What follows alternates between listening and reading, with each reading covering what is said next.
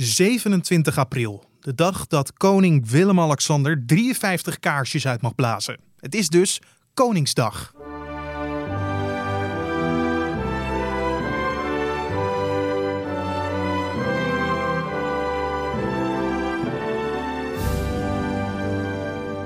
Je zet de tv aan en dan zie je het koninklijk huis zwaaien en handen schudden met een massaal oranje publiek. Je trekt je oranje shirt of jurk aan en neemt nog snel een hap van je oranje tompoes voordat je naar buiten gaat. Als je naar buiten komt, zie je gelijk de vrijmarkt. Een kleedje met spullen die van de zolder of van de garage komen. En je hoort een kind die net zijn eerste liedje op de viool kan spelen. En je ruikt de geur van een barbecue met worstjes. Met een aparte plaat voor vegetarische opties. De dag sluit je af zoals gewoonlijk met een openluchtconcert. Met alleen maar meezingers. We zijn er weer bij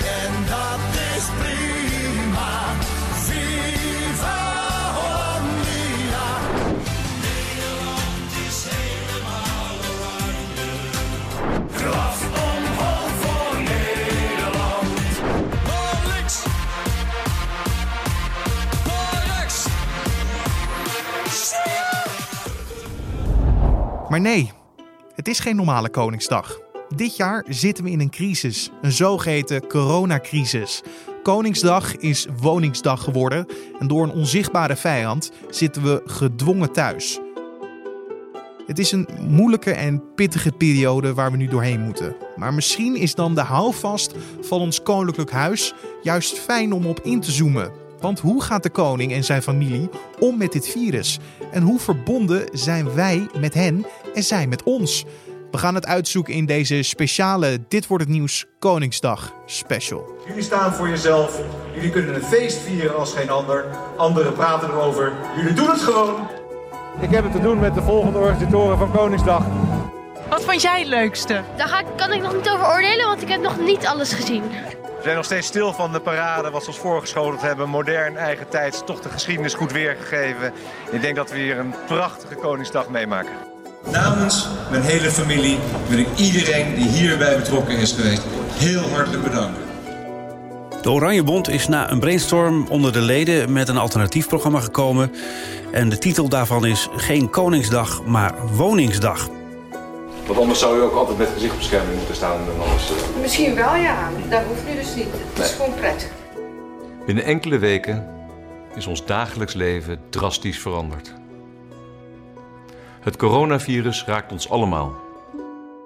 Een hele goede dag. Mijn naam is Carne van der Brink en ik mocht voor nu.nl in gesprek gaan met twee echte kenners. Zo sprak ik met Justine Marcella, hoofdredacteur van Forsten. Maar het is ook belangrijk voor een, een, eh, voor een monarchie om zichtbaar te blijven. En dat is nu best ingewikkeld. Wat doe je wel, wat doe je niet? En daarnaast hoor je de maker van het televisieprogramma Blauw Bloed, Jeroen Snel. Rutte heeft wel eens gezegd dat eh, de koning meer feeling heeft met de mensen in het land dan de premier zelf. Ik heb met ze gebeld, eh, veilig op anderhalf meter afstand. En ik vroeg ze hoe ze reageerden op het feit dat hun jaarlijkse feestje niet doorging, Koningsdag, in dat het nu Woningsdag zou worden. Ja, ik vind de naam Woningsdag een beetje ongelukkig gekozen. Omdat eh, dat me toch echt doet denken aan eh, 1980. Geen woning, geen kroning. Eh, maar ik snap het ook wel. Maar ik, misschien had ik er eh, een- een vorstelijke thuisdag van gemaakt. Ja, moet dat nou? En ook de titel Woningsdag eh, vond ik niet, ja, niet heel feestelijk. Eh, we zitten al eh, wekenlang eh, binnen in onze woning. Dus we hebben iedere dag al Woningdag. Maar wat mij betreft hadden we het gewoon even gelaten voor wat is. Ik heb vanochtend de vlag uitgehangen. Het Wilhelmus heeft geklonken. Dat was prachtig. Ik heb de kerkklokken nog horen luiden. Maar dat is het dan, wat mij betreft. Ik vind niet dat je zo nationaal moet opleggen van. Nou, we gaan toch nog Koningsdag vieren. We doen het binnen. Het, het is gewoon een crisis eh, met een grote hoofdletter C eh, waar we doorheen moeten. Met, met hele ernstige ehm, gevolgen voor mensen die ziek zijn, mensen die op sterven liggen nog steeds, eh, economische gevolgen. Dus eigenlijk geen reden voor feest wat dat betreft. Bovendien is Koningsdag natuurlijk een moment dat heel veel mensen samenkomen. Ja, dat kan natuurlijk absoluut niet. Het COVID-19-virus laat het inderdaad niet toe om samen te komen. Want dan zouden we de mensen in de zorg weer extra belasten met alle gevolgen van dien. Maar we kunnen wel praten over wat de kracht van Koningsdag is. En wat we gaan missen is het feestje, echt het verjaardagsfeestje van de koning. eh, dat hij samen met zijn familie, maar vooral met alle Nederlanders viert. Of dat nou mensen zijn die thuis achter de televisie zitten met een oranje tompoes, of de mensen die de moeite nemen om naar Maastricht te gaan. Uh, ja, dat feestje valt nu echt in het water. Uh, wat ik jammer vind is natuurlijk dat het ook een dag is uh, dat we de, de drie prinsessen goed kunnen zien, lang kunnen zien, in actie kunnen zien. en die zien we niet zo vaak. Hè? Die zien we eigenlijk alleen met de fotosessies in leg en in de zomerfotosessie. Uh, dus dat gaan we echt uh, wel missen. Nou, vandaag mis ik gewoon het, het ritme van de dag. Kijk, ik, ik, had eigenlijk in alle vroegte daar moeten zijn in Maastricht. Eigenlijk al gisteravond, hè, dan slaap je in een hotel. Bij dit soort afstanden, ik woon zelf in het midden van het land, dan ga je natuurlijk de avond ervoor al erheen. maar ik denk voor heel veel mensen thuis dat het ritme van de dag anders is. Hè? Dat je s ochtends even de televisieuitzending hebt met het liveverslag dat je daarna de stad in gaat, uh, kleedjesmarkt. Uh, ja, een braderiegevoel. Met gaan we drinken op het terras. het weer is prachtig. Dus ja, dat mis ik eraan. Gewoon het, de agenda zeg maar, van de dag. Zoals we die altijd al hadden op Koningsdag en Koninginnedag. Maar ik denk wel dat wat Koningsdag ook is. Namelijk het samenhorigheidsgevoel. We zijn allemaal even oranje. of we dat nou werkelijk aantrekken of niet. Maar we voelen ons allemaal even oranje. Eh, de monarchisten en de republikeinen. Uh, ik denk dat dat wel overeind blijft. Dat je goedkoop dingen kan kopen op de vrijmarkt en je lekker kan feesten op deze dag is bekend. Maar is het ook een dag waarop we laten zien hoe verbonden we zijn met ons koningshuis en zij met ons? Ja, dat denk ik wel. Ik bedoel, uh, de vlaggen gaan uit met de oranje wimpel. Uh, ja, dat is voor de koning. Die is vandaag 53 jaar geworden. Dus uh, ja, zodra je je vlag uitsteekt met de winkel, dan, uh, dan voel je je verbonden met de koning. En uh, ja, juist in deze tijd hebben mensen heel veel behoefte aan ja, een, een, koninklijke familie die verbindt, die ons vertegenwoordigt, die ons troost, die mensen opzoekt in het land. Um, dus ja, die verbondenheid, die voel ik wel deze dagen. Ja. De opstelling van ons koninklijk huis is als volgt. Je hebt koning Willem-Alexander, koningin Maxima en de prinsessen Amalia, Alexia en Ariane. Maar hoe populair zijn de Oranjes? Ik denk dat Nederland uh, dit koningspaar echt omarmd heeft. Er waren voordat hij koning werd uh, nog wel wat vraagtekens. Van was deze koning niet te emotioneel, niet te spontaan? Maar ik denk dat we echt hebben gezien dat hij, nou eigenlijk vanaf dag één wel echt de koning van Nederland was. Er zijn in Nederland zelf niet zo heel veel mensen meer die eh, denken van nee, koningin Beatrix is mijn koningin. Koningin Beatrix is 33 jaar koningin geweest, maar heeft een opvolger achtergelaten die meteen geadopteerd is als staatshoofd. Maar wat is dan hun kracht? Uh, toegankelijkheid of de rol die zij juist op hun manier invullen? Ja, absoluut. Ze zijn natuurlijk uh, enorm meegegaan met de tijd. in tegenstelling tot Engeland of Scandinavische landen hebben wij een jonge koning. want het is gewoon een baan, een functie, een bijzondere functie, maar toch. Beatrix is op een gegeven moment met pensioen gegaan. Daardoor krijg je een koning die heel erg uh, de maatschappij van vandaag de dag aanvoelt. En heel dicht bij het volk ook staat. Hè. Hij gebruikt ook sociale media. Uh, belt mensen, al dan niet met video, uh, om zijn hart onder de riem te steken.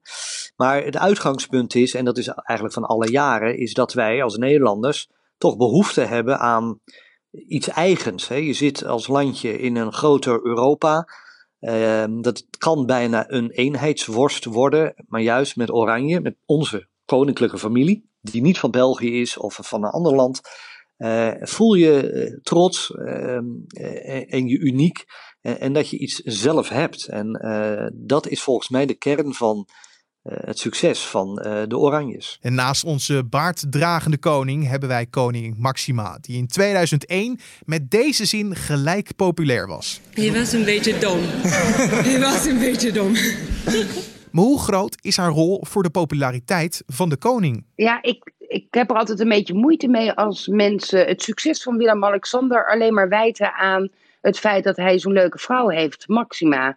Ik denk dat hij zelf uh, gewoon een heel goed staatshoofd is. Want Maxima, die noemen we wel koningin, maar ze is geen koningin. We hebben bij wet nou eenmaal maar één koning. En dat is koning Willem-Alexander. En hij heeft toevallig een hele leuke echtgenote. Uh, maar je ziet toch echt bij de staatsrechtelijke dingen, maar ook bij staatsbezoeken, dan is toch echt Willem-Alexander in charge. Hij heeft zelf wel eens gezegd: het is geen duobaan. Het is wel echt teamwork wat je ziet. Uh, maar het is geen duobaan. Hij is de koning en niet Maxima. Het nieuwe normaal of de anderhalf meter samenleving. Zomaar wat termen die nu worden gebruikt om aan te duiden met wat voor maatregelen we te maken hebben. Was goed je handen, maar een aantal mensen in winkels en daarnaast blijf zoveel mogelijk binnen. Onze vorsten zitten echter niet veel stil in deze intelligente lockdown. Want we zien ze vaak voorbij komen. Ja, we zien ze heel erg veel. Kijk, de, de koning is met zijn gezin uh, heel even in lockdown geweest.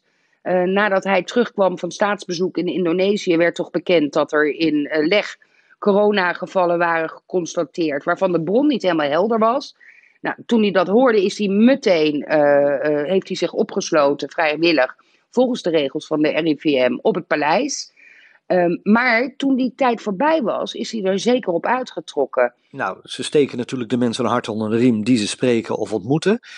Maar vervolgens, zoals Maxima, die was bijvoorbeeld bij het Rode Kruis hè, in het oosten van het land, of in Gelderland.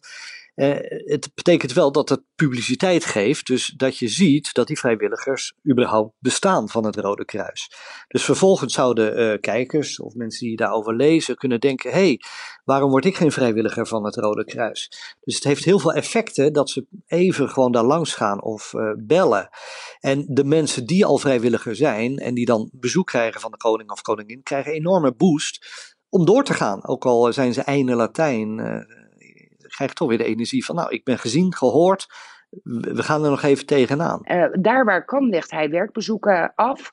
Uh, zijn vrouw ook, Maxima doet dat ook. En ze zijn geweest bij het RIVM. Uh, er is een bezoek gebracht aan het Rode Kruis, aan de transportsector, aan de horeca. Nou ja, noem maar op. En da daarbuiten benutten ze de dag heel erg voor wat iedereen nu in Nederland zo'n beetje doet: het thuiswerken. Dus ze zitten echt in hun werkkamer op het paleis te bellen met mensen die ze in het verleden hebben gesproken, van een directeur van een basisschool tot en met, nou ja, verzin het maar. En ook vaak te videobellen. Ik vind daarvan een heel mooi voorbeeld dat Maxima belde met een organisatie die een soort digitale huiskamer heeft voor mensen die psychisch heel erg moeilijk hebben. En hoe belangrijk is het dan dat ze echt op bezoek gaan bij uh, vitale beroepen uh, en los van elkaar in contact komen met de mensen die het zwaar hebben in deze tijd? Tuurlijk. En je ziet uh, dat Maxima bijvoorbeeld de economische kant iets meer belicht. dat is ook vanuit haar functie. Uh, heel voorspelbaar en uh, begrijpelijk.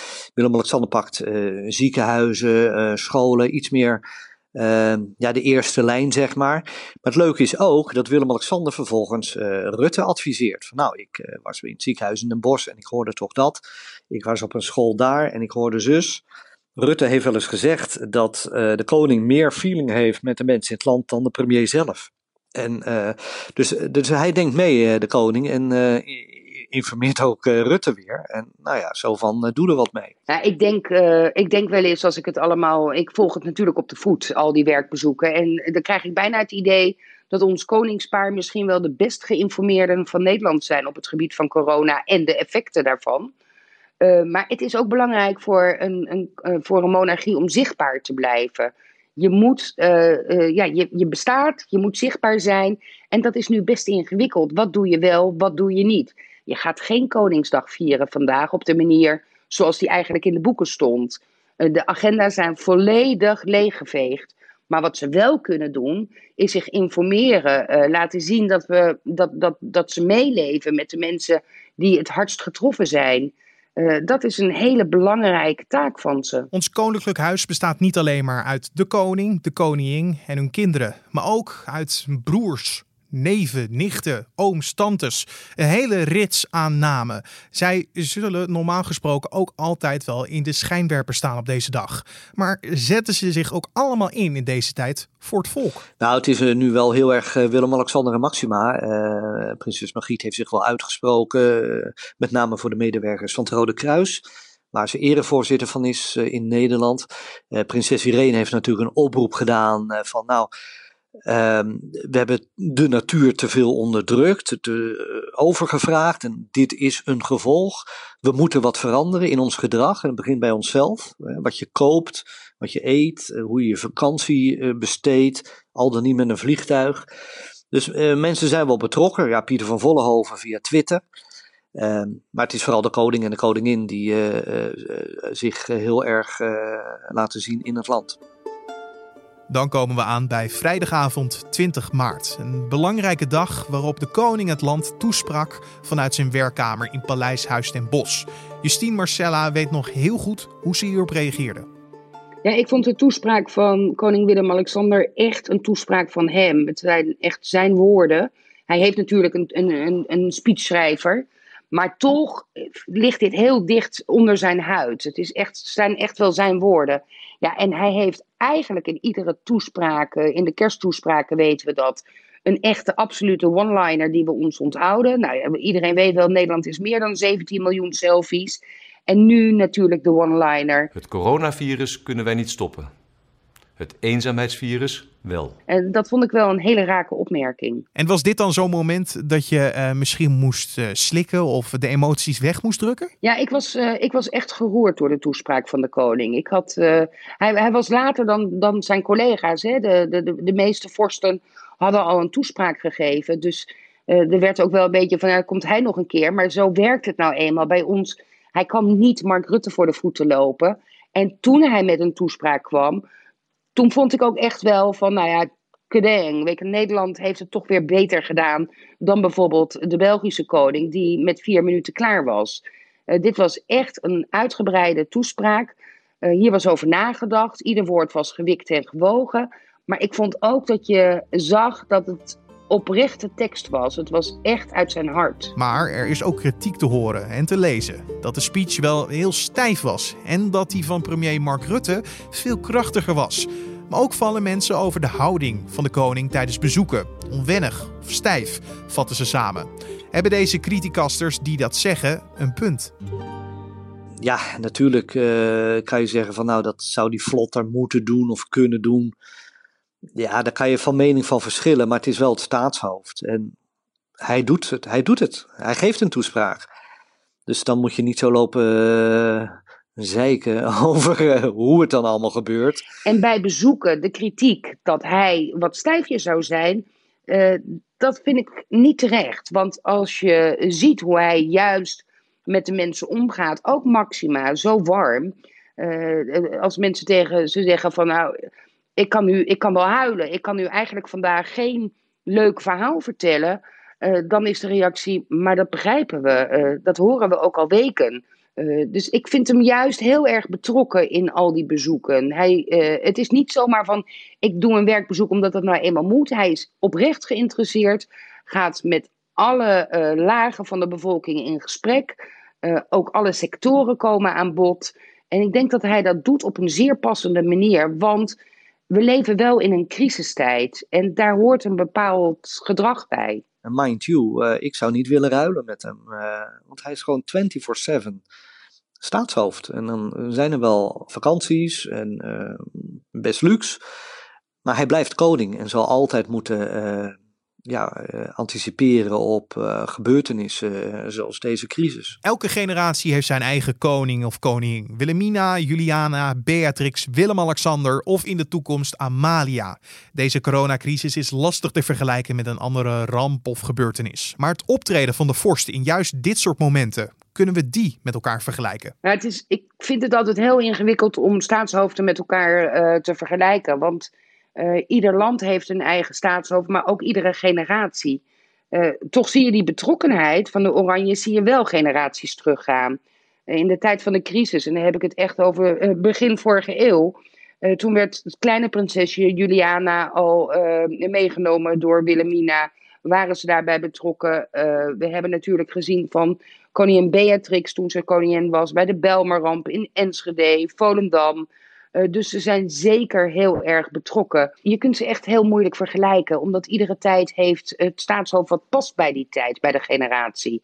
Maar het, het steunen van een land in crisissituaties, dat doet iedere, uh, ieder staatshoofd in Nederland. Zagen we al bij Wilhelmina, zagen we bij Juliana, zagen we bij Beatrix. Uh, denk aan Volendam, Enschede, de Belmer. En dan zag je Beatrix, die kort daarna dan de locatie verscheen met de hand voor de mond, traan in de ogen, uh, een hand om iemand heen zelfs. En dat was uh, eigenlijk voor Beatrix heel bijzonder, want het zat ook niet in haar persoon om heel veel mensen aan te raken.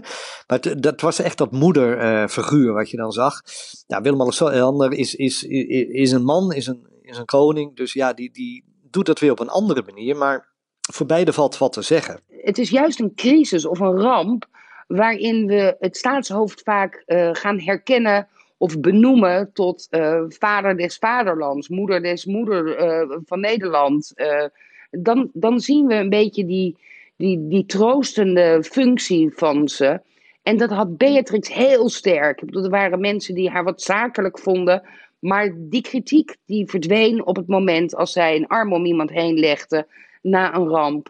En dat zag je ook bij, bij koning Willem-Alexander. Hij was nog niet zo heel lang koning toen de ramp met de MH17 gebeurde.